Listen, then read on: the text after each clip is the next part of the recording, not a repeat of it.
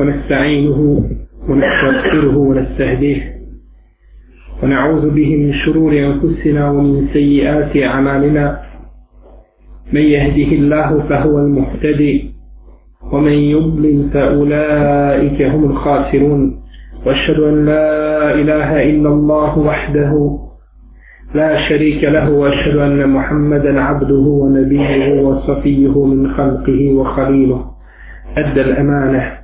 وبلغ الرسالة ونصح للأمة وكشف الله تبارك وتعالى به الأمة وجاهد في الله حق جهاده حتى أتاه اليقين.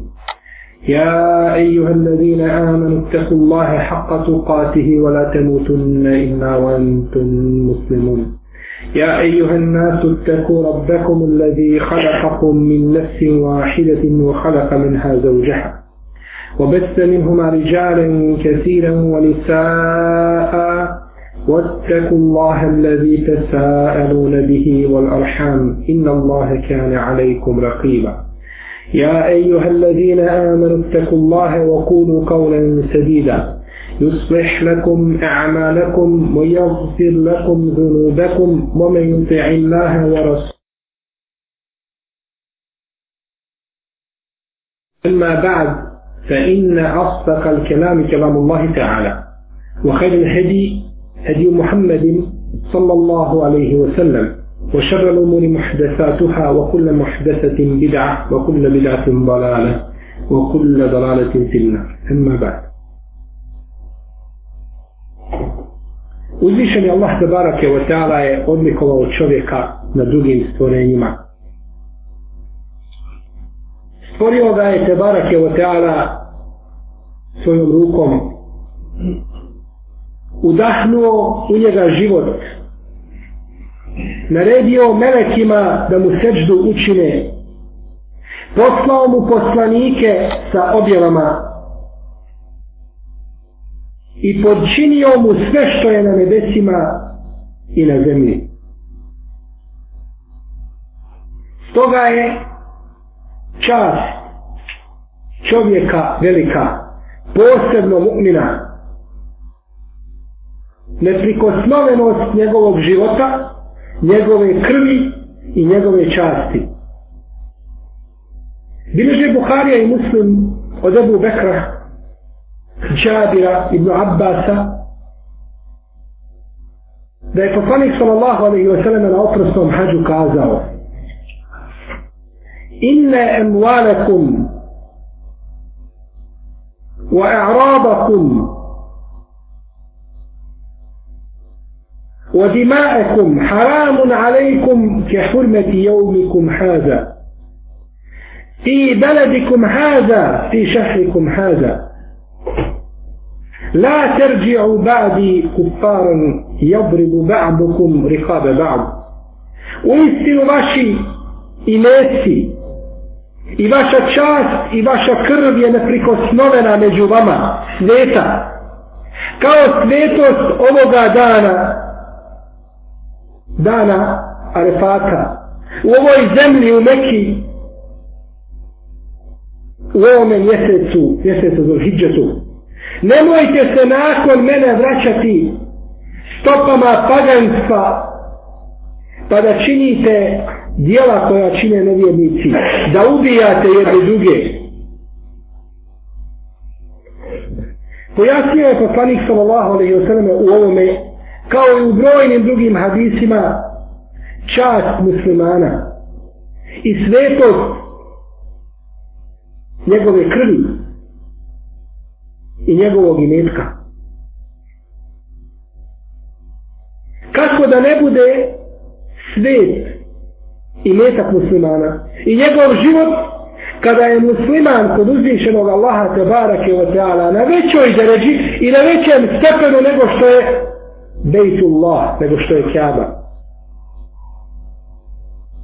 Bileži imam Ibnu Mađu u svome sunanu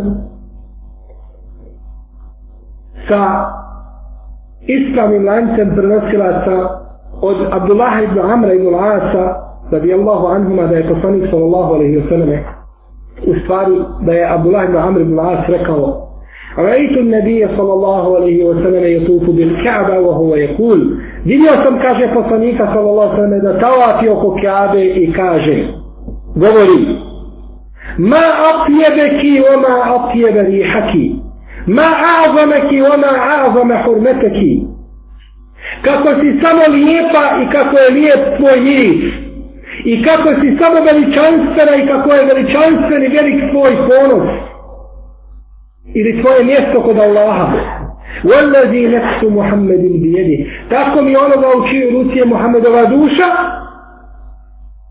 Le hurmetu mu'mini inda Allah a'azamu hurmetan minki. Tako mi onoga u čiju ruci je moja duša. Čast jednog mu'mina je veća, njegova svetost je veća od svoje okjabo. maluhu wa demuhu, wa en yuzanne bihi illa khayra. Njegov njegov imetak i njegov život i da se o muslimanu ne misli nego dobro. I da se o njemu ne pomisli osim dobro. Tako mi Allaha uzvišenoga i ponovo tako mi Allaha i ponovo tako mi Allaha srušiti kjabu u jednom momentu. Ili je rušiti kamen po kamen je kod Allaha manji grije nego ubiti vjernika. Manji grije. Jer je kjaba je rušena i građena.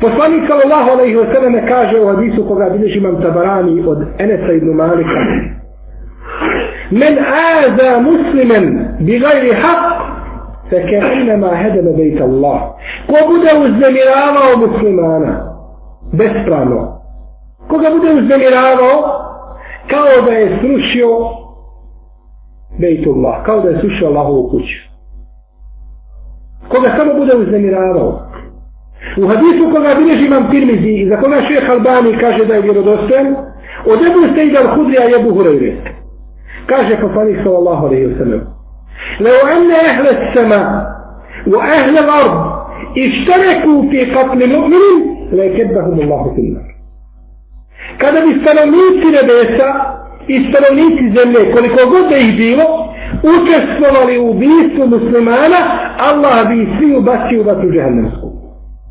Koliko god da ih ima. U vatru džehennemsku. U hadisu koga bilježi Tabarani, i Ibnu Mađe i Bejheqi od Ebu Hureyre, hadis ima slabost u lancu prenosilaca, kaže poslanik sallallahu alaihi wa sallam, من اعان على قتل مؤمن ولو بشطر كلمة لقي الله مكتوب بين عينيه آيس من رحمة الله ko pomogne pripomogne ubijstvu muslimana sa pola riječi sa pola riječi pripomogne ubistvu mu'mina, doći će na sudnji dan, a izmed na njegovom čelu piše onaj koji je izgubio nadu u Allahovu milost. Izgubio, nema se čemu nadati, osim batri džehennemskom. Zato što je uznemirio jedan organ u tijelu koje se zove muslimani.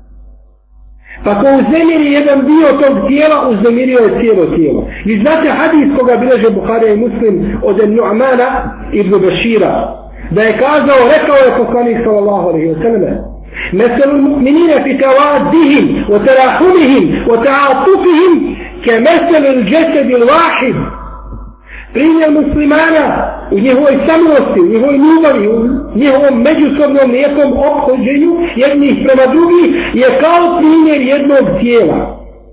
I da šteka minhu udlun, te da alehu sa'iru džesedi bis sahari ul humma. Kada oboli jedan njegov organ, cijelo tijelo pati od nesanice i temperature. Pa ko uznemiri jedan organ u tome tijelu, jednog muslimana, on je uznemirio cijelo tijelo. Lejse minna men aza muslimin ne pripada nama koji uznemirava muslimane. Ne pripada nama. Uzvišen je Allah te barake wa ta'ala kada je spominjao u Kur'anu velike grijehe između ostalo kaže والذين لا يدعون مع الله إلها آخر ولا يقتلون النفس التي حرم الله إلا بالحق ولا يزنون ومن يفعل ذلك يلقى أساما يضاعف له العذاب يوم القيامة ويخلد فيه محالا إلا من تاب Oni koji se pored Allaha ne mole drugom Bogu i koji ne ubijaju onoga koga je Allah zabranio ubiti i koji nisu nemoralni. A ko bude tako činio, on zaslužuje bolnu patnju. Neki učenjaci iz prvih generacija kažu da je sam, da je to mjesto u džehennemu.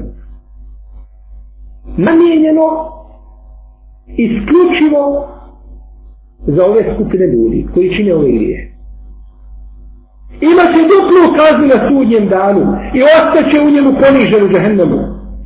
Vječno. Ponižen osim onih koji se pokaju. Uzvišen je Allah te barak je od tada kada je spomenuo prvu kap nevine krvi koja je prolivena na zemlji. Kada je jedan sin Ademov ubio drugoga. Kada je Kabil ubio Habila. Nakon te priče koju nam je spomenuo u suri El Maide, kaže uzvišeni, min eđli zalike ketebna ala beni Israil, ennehu men katele nefsen bi gajri nefsin, e u fesadin fil ard, feke ennema katele nase žemija. ومن أحياها فكأنما أحيا الناس جميعا. Istoga smo mi sinovima Ademovim, sinovima Benu Israila propisali da onaj ko ubije čovjeka nepravedno. I onoga ko nije nered na zemlji činio kao da je sve ljude poubio. Ubio jednog čovjeka bespravedno ili stotinu hiljada ljudi i svi si gdje to činio jer je jednog čovjeka ubiti kao da si sve ljude poubio.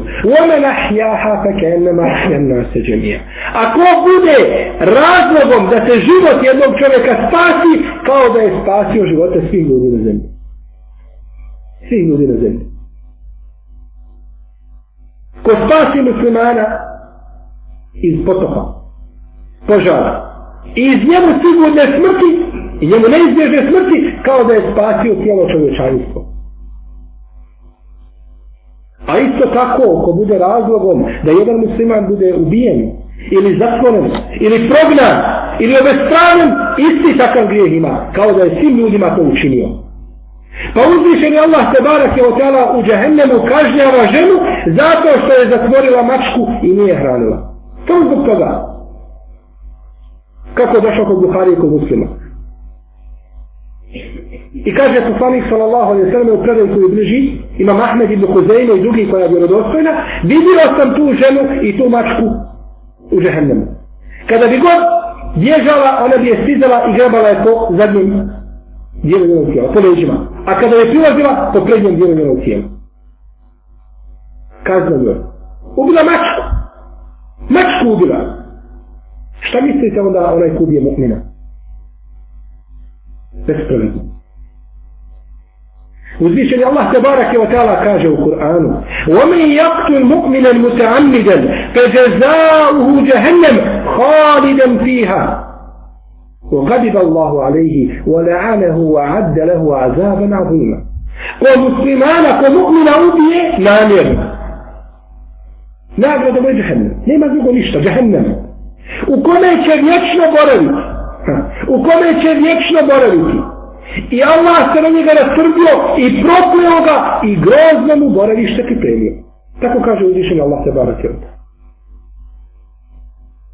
Imam Tirmizi i bileži predaju za koju kaže da je dobra, a šeha Albani da je vjerodostojna, da je čovjek došao kod Ibnu Abbasa pa mu kaže Hel li l'qatili teuba? Može li se čovjek koji ubije pokajati? Pa Ibn Abbas, čudeći se njegovom pitanju, kaže, ma za te? Ma šta me to pitaš?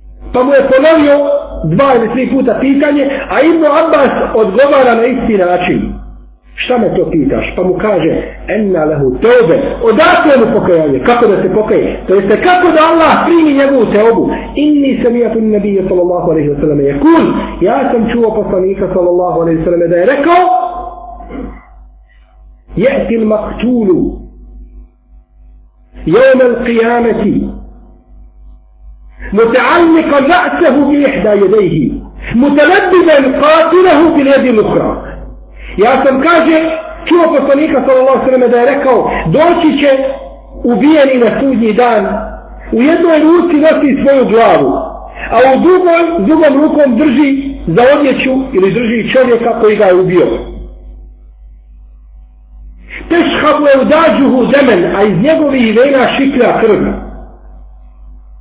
pa حتى يأتي به العرش فيقول لرب العالمين يا رب هذا قتلني.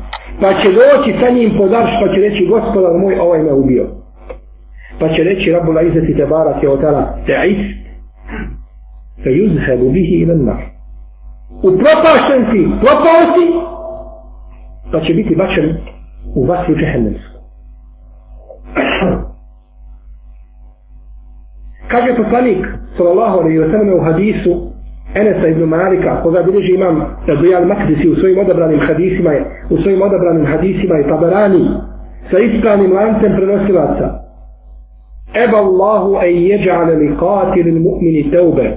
Allah je odbio da primi teobu onoga koji ubije muslimana mu'mina. Nema mi teobu. Allah mu odbio da primi teobu. Tako došlo u ovome hadisu.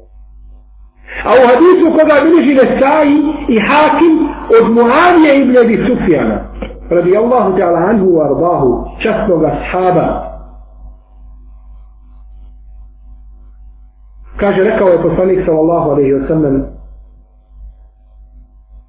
kulu zembin asa yukfar, ila ređul je كافرا kjafiran, الرجل يقتل مؤمنا متعمدا očekivati je da će Allah na sudnjem djelu svak, na sudnjem danu svaki grijeh oprostiti osim čovjeka koji umre kao nevjernik ili čovjeka koji ubije muslimana namjerno. Namjerno ga ubije, ta, je, to je jedan od grijeha koji se ne treba se očekivati da ga Allah oprosti.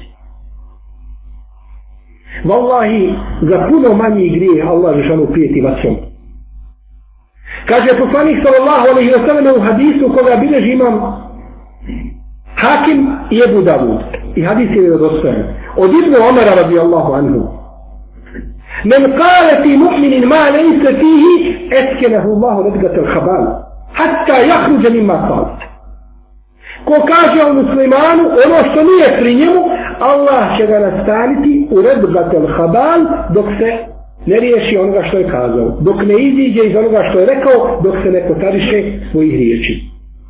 Kažu komentatori hadisa, rezgatul habal, kaže to je tekućina koja izlazi iz tijela džehennemlija.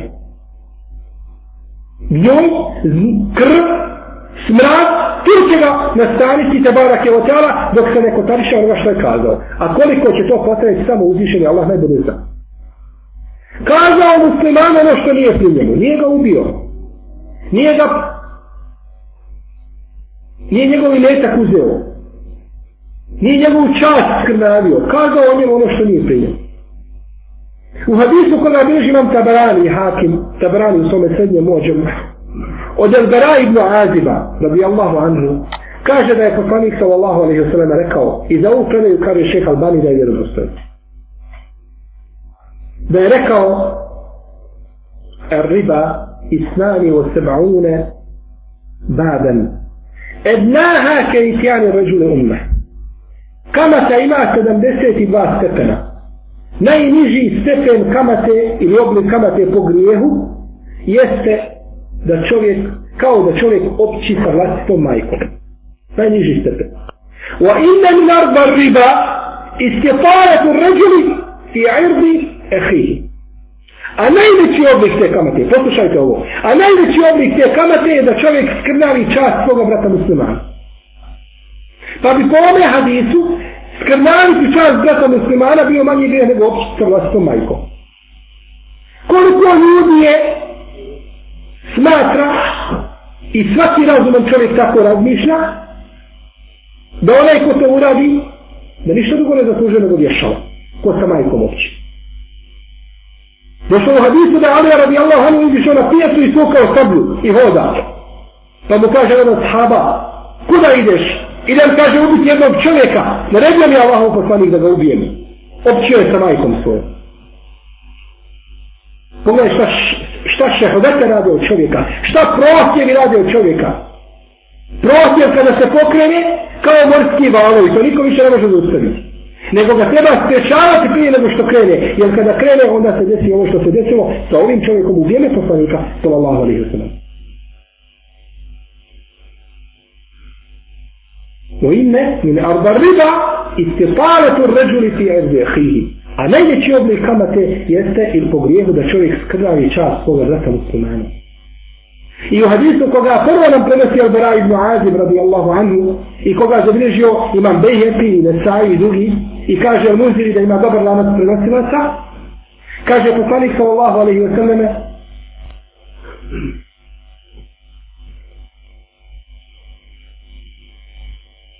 لزوال الدنيا أهون عند الله من قتل مؤمن بغير حق uništenje cijelog dunjaluka brisanje dunjaluka je kod Allaha manje grije nego ubijstvo mu'mina bez prvom cijeli dunjaluk i kabu i sve što je od džanija i od hajrata na zemlji da to uništiš to je kod Allaha manje grije nego da ubiješ muslimana bez prvom Imam Esaija bilježi u svoj, u svoj, u svoj djelu Mučteba i Imam Bukhari u svojoj povijesti sa ispravnim lancem prenosilaca od Amra ibn El-Haniqa El-Huzaija radijallahu anhu. Kaže, rekao je poslanik sallallahu alaihi wa sallam men emmene muslimen ovako ide hadis men emmene ređulen ala demihi fa qatelehu kana jari'un minhu ko dadne utjec, utječište čovjeku zaštitu pa ga potom ubije znači dao si mu sigurno mjesto i garantujem mu za njegov život. Potom ga ubio kaže poslanik sallallahu sallam ja ga se odručem ja ga se odručem wa in kana al-maqtulu kafira taman da onaj koga si ubio bio kafir musliman ne vara musliman ne laže musliman nije izdajica dao si mu i garantovo za njegov život onda čuvaj i nemoj to iznevjeriti ولا تكن من haneke i nemoj iznevjeriti onoga koje tebe iznevjeriti. Jer prva stvar zašto će čovjek na sudnjem danu biti pitan jeste i bit će obračunavan po pitanju čega. Prvo na sudnjem danu kolektivnog karaktera je krv. Kako došlo u hadisu Ibn Mesauda koga bilježi tirmizi i drugi. I ne ovo nema yukuba bejne nas fiddima. Prva stvar zašto će se na ljudima na sudnjem danu suditi jeste krv. To je znači ono kolektivno suđenje među ljudima. A što se tiče svakog čovjeka, to na osob, prva stvar za koju će biti pitan je namaz.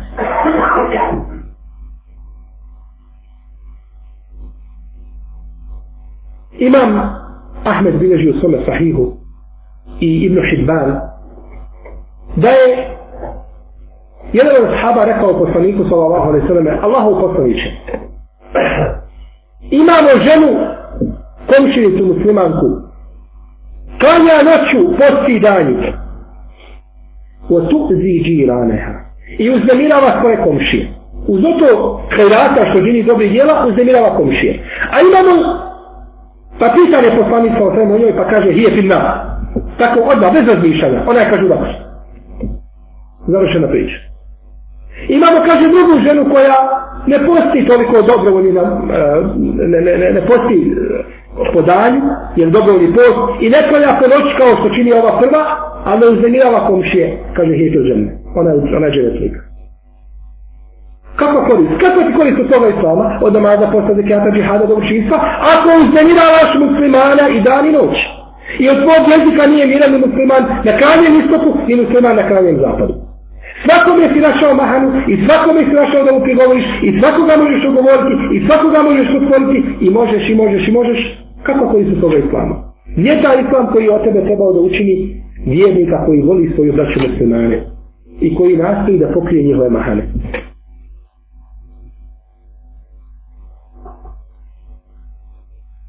Ebu Davud bilježi u svome sunenu da je poslanik sallallahu alaihi sallam rekao La jahillu li muslimin an yurawwa musliman Nije dozvoljeno muslimanu, nije halal, to jeste haram haram je da plaši brata muslimana.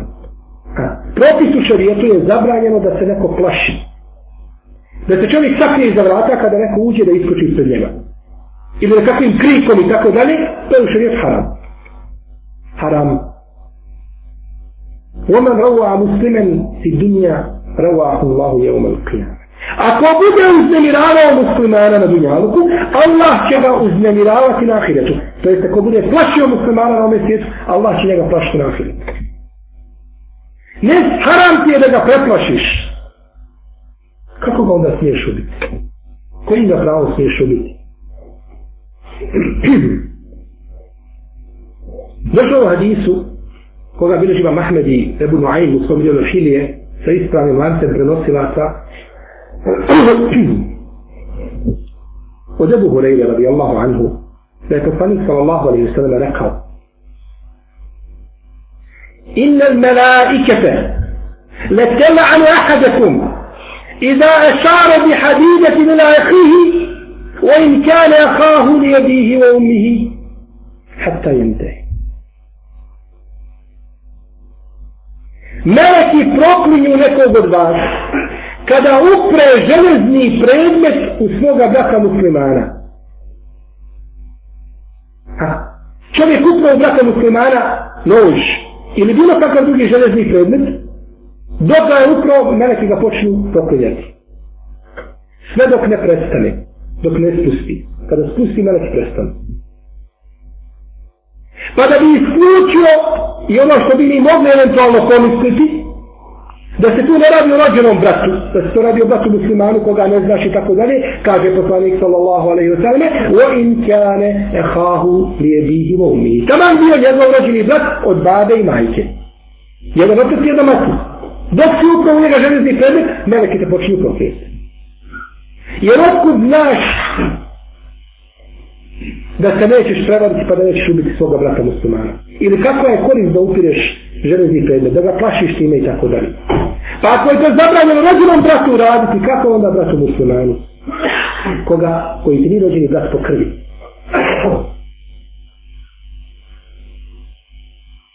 Ovo je, draga moja braća, da znate kolika je čast muslimana i kako je njegovo mjesto kod Allaha te barake wa ta'ala. I da se nije igrati i šaliti sa časti muslimana i igrati se njihovim osjećajima. Musliman, mu'min je skup kod Allaha, velik kod Allaha. I Allah je spreman da uništi dunjaluk zbog jednog čovjeka. Ibn Hibban bježi u svome sahihu predaju za koju Ibn Hajar u svome dijelu Ali kaže da je vjerodostojna. Da je bio jedan ashab koji se zvao Zahir ibn Haram. Dolazio iz pustinje dolazio iz pustinje. I prodavao je na medinskoj pijaci. Pa jednog dana prišao poslanik sallallahu alaihi sallam iza njegovih leđa i zatvorio oči. I kaže, meni ješteri hada hadal abd. Ko će, kaže, kupiti ovoga roba? Kada me zatvorio oči, nije znao ko je. Pa kaže, pusti me, ko si, šta hoćeš? Pa kada je čuo da Allah u poslanik sa osanem priča, počeo je trljati svoja leđa od prsa poslanika sa lalasom. Sad je bereketa. Kaže, ko će kupiti ovoga roba? Kaže, ja Rasulallah, wallahi. idem ne teđi du ni kasida. Allah u poslaniće, tako mi Allah, ako mi budeš prodavao, naći ćeš me, kaže, bezvjednim, nikome neće plati, ko će mene kupiti? Pa kaže poslanik sa osanem, Nam, walakinnaka inda Allahi gal, kaže, jeste ali ti si kod Allaha skup. Ne moraš biti kod ljudi. Kod Allaha si skup. Jer si mu'min. Pa kakva je kazna onome ko ubije mu'mina? Došla je kod Buhari i kod muslima da je jedna skupina ashaba ili ljudi došla kod poslanika to primili islam, dali mu prisegu i bili su tjelesno mršavi, slabi, bolesni ljudi. Pa im je rekao, izađite, kaže, u pustinju, imamo tamo pastira koga smo poslali, pastir poslanika, sallallahu sallam, sa devama, pa kaže, pijte mlijeko deva i pijte mokraću deva. Mokraća deva je lijek, braća. Taman to neki razumi ne, ne htjeli da shvate, Ali nauka danas je isto to potvrdila. Iako nas nauka ne zanima, ako je to poslanik sa osam rekao, to je najveća nauka. To je špit sve nauke što može biti kada poslanik sa osam nešto kaže. Ali ako potvrde, pa neka vjeruju, imaće dokaz protiv sebe. Ko neće da povjeruju. Pa da piju mlijeko i mokraće od deva. Pa su izišli. Pa su pili mlijeko i mokraću od deva i ozdravili. Ha odzavili i još ugojili se, odebljali. I šta su onda uradili? Ubili toga pastira. Pazite. Ubili pastira i uzeli stoku, devet, i odmetili se od islama. Pa je poslanik sa osam naredio da se uhvate i da im se ruke i noge pootkidaju i da im se oči iskopaju i da ostane tako na pustinsko pjesku dok ne kaže katade ovi su ljudi ubili i ukrali i protiv Allaha i protiv poslanika se borili i na zemlji ne, nered sijali. Dobilo se, izliječio se Allahovom boljom, ukazao se ono što je najbolje i ti nakon toga ubijaš pastira muslimana kome je povjereno stado. E ne možeš ti na zemlji nered sijati. Ne može se na zemlji nered sijati.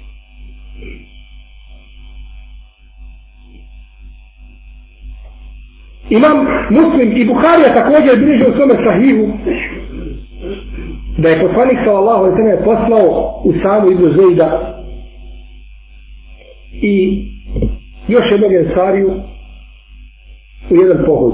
Pa su uhvatili jednog mušika pa je bježao da ga nisu stigli. Pa kad je vidio hladove sablje iza sebe, kazao je la ilaha illallah. Ha? La ilaha illallah, izgovorio. Pa je ovaj ensarija povukao svoj stav. Dok je Usame ibn Zeyd, Usame ibn Zeyd, uzeo koplje i probao ga svojim kopljem pa je umro. Ubio ga. Pa kad su došli na Medinu, spomenuto je to Allahovu poslaniku sallallahu sallam. Pa kaže Usame, ubio si ga nakon što je rekao la ilaha illallah, kaže Allahu poslaniče innama qala muta'awwizan to on samo rekao želeći se spasti pa s glavu. Ma kaže u same ubio si ga nakon što je rekao la ilaha illallah i kaže toliko mi je to ponavljao da sam poželio kaže da sam toga dana primio islam da prije toga nikako musliman nisam bio. Ima osjećaj da sam mu djela poništena zbog toga što je ubio čovjeka koji je kazao la ilaha illallah. A ti ne znaš što je u njegovom srcu. Postoji mogućnost da je to rekao da se zaštiti? Postoji A postoji mogućnost da je htio iskreno dođe u islam? Postoji, to ti ne znaš. Nisi ti rasporio njegovo srce, ali ti si ubio čovjeka koji je rekao la ilaha illallah.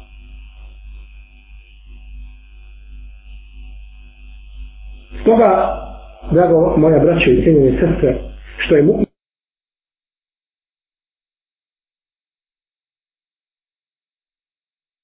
da je Hakim ibn Hizam ibn Huwailid, koji je bio bratić Hatidže radijallahu ta'ala anha kaže se za ovoga čovjeka da je rođen u Kjabi unutar Kjabe majka došla da klanja u Kjabu dobila porođane bolove i tu je ostala i rodio se on u Kjabi i to je jedini čovjek za koga se zna pouzdano da je rođen u Kjabi kaže ništa mi nije, nije bilo draže od Allahovog poslanika sallallahu alaihi sallam. Ništa.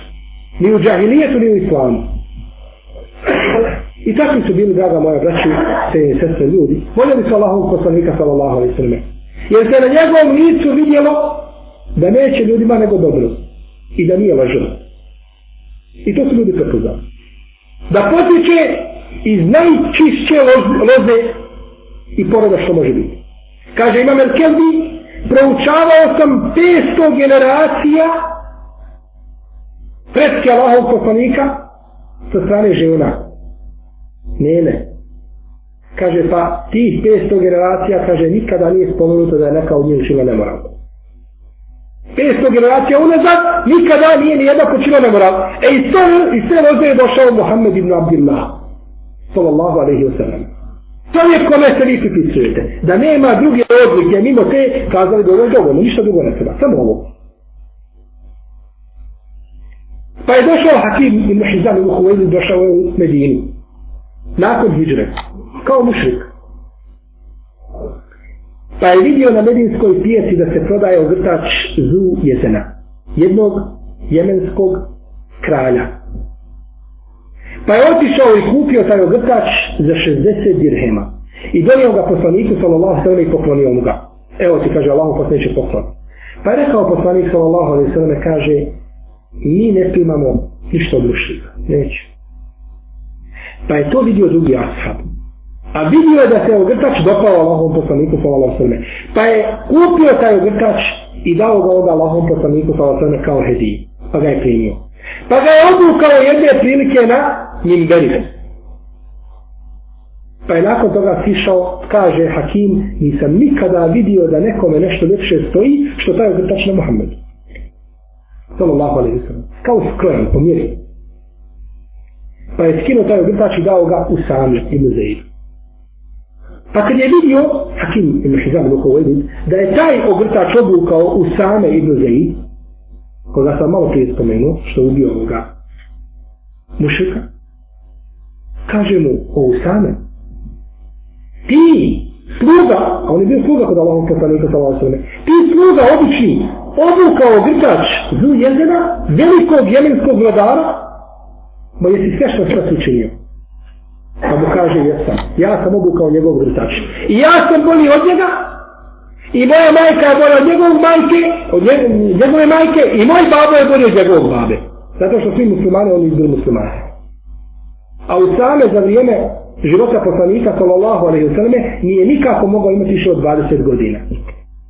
20 godina. To je najviše što je mogao imati osjeća sa 20 godina da je bolji od najvećih vladara. Pa kaže Hakim, pa sam otišao u Meku i pričao u i čudio se riječima u same kako je ponosan na svoj islam. A poslanika sallallahu sallam je boljela priča u same Izeida. Ljudi su govorili i pričali i ogovarali muslimana da Zeid nije u samim babu. Zato što je Zeid bio čovjek bijelog sjena. Ili više je vukao na bijelu boju. A njegova žena, Umu Eymen, koja se zvala Bereketu bintu Mehsan, bila je Habešika crnčinja. Pa je došao u same crn. Pa kažu, nije e, Zeid tvoj babo. Da je Zeid tvoj babo i ti bio koji on, vidiš kakav si. Pa kažu, nije tvoj babo. A poslanik sallallahu sallam nije mogao ništa protiv toga. Nema dokaza, nema argumenta. Pa su jednog dana došli kod poslanika sallallahu sallam i spavali u kući. I spavali u kući. Pa je došao jedan čovjek, kao čovjek koji se proučava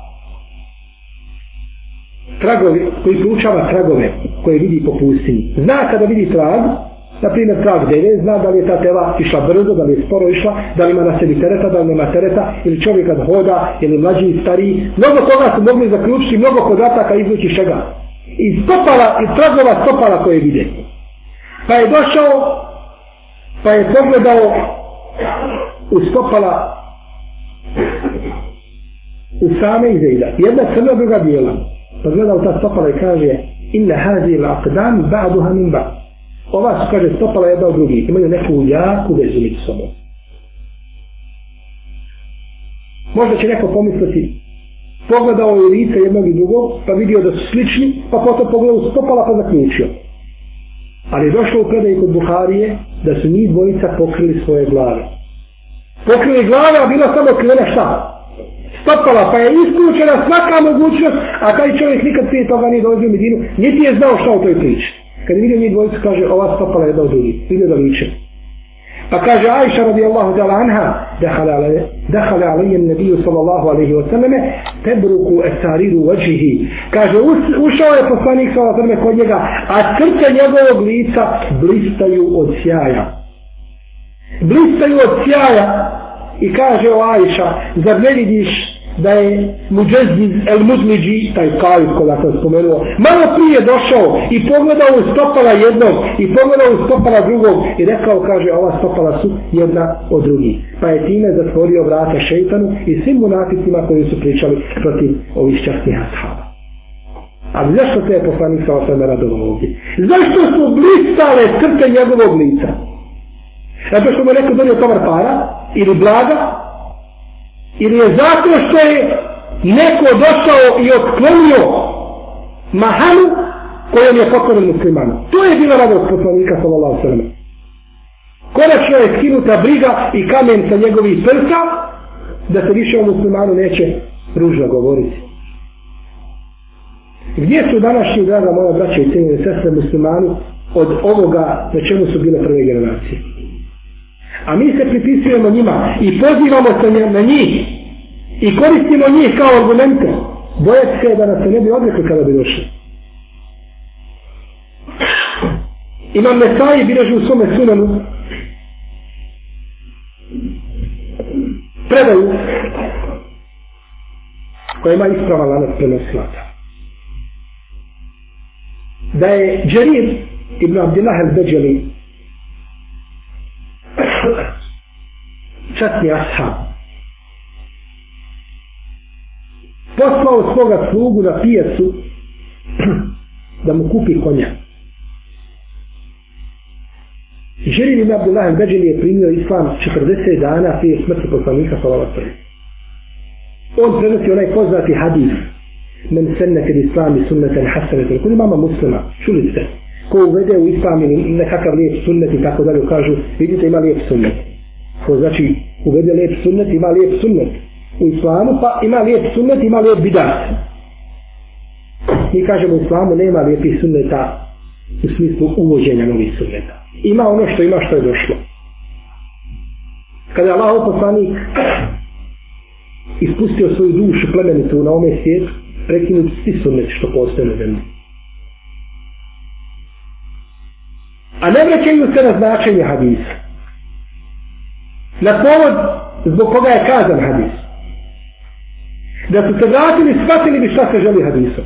Poslanik sallallahu sallam je jednog dana sjedio, tužan, kada je vidio ashabe, u kakvom se stanju nalaze, siromašni, nigdje ništa ne imaju. Pa je kazao ljudima, zar neće neko udijeliti ovim ljudima nešto. Od muke, kada je vidio kako musliman pati, Pa su donijeli ashabi jedno platno, prstrn, pa bi svako bacio ponešto na to platno. Pa kad se je tu nakupila gomila hrane, odjeće, rekao je poslanik sa vrme, ko uvede u islamu jedan lijep sunnet. Ha, na šta je rekao? Pogledajte koliko je bitno da znamo zašto je neki hadis kazan i u kom okolnost, kojim okolnostima i u kom svjetlu je izvršen taj hadis.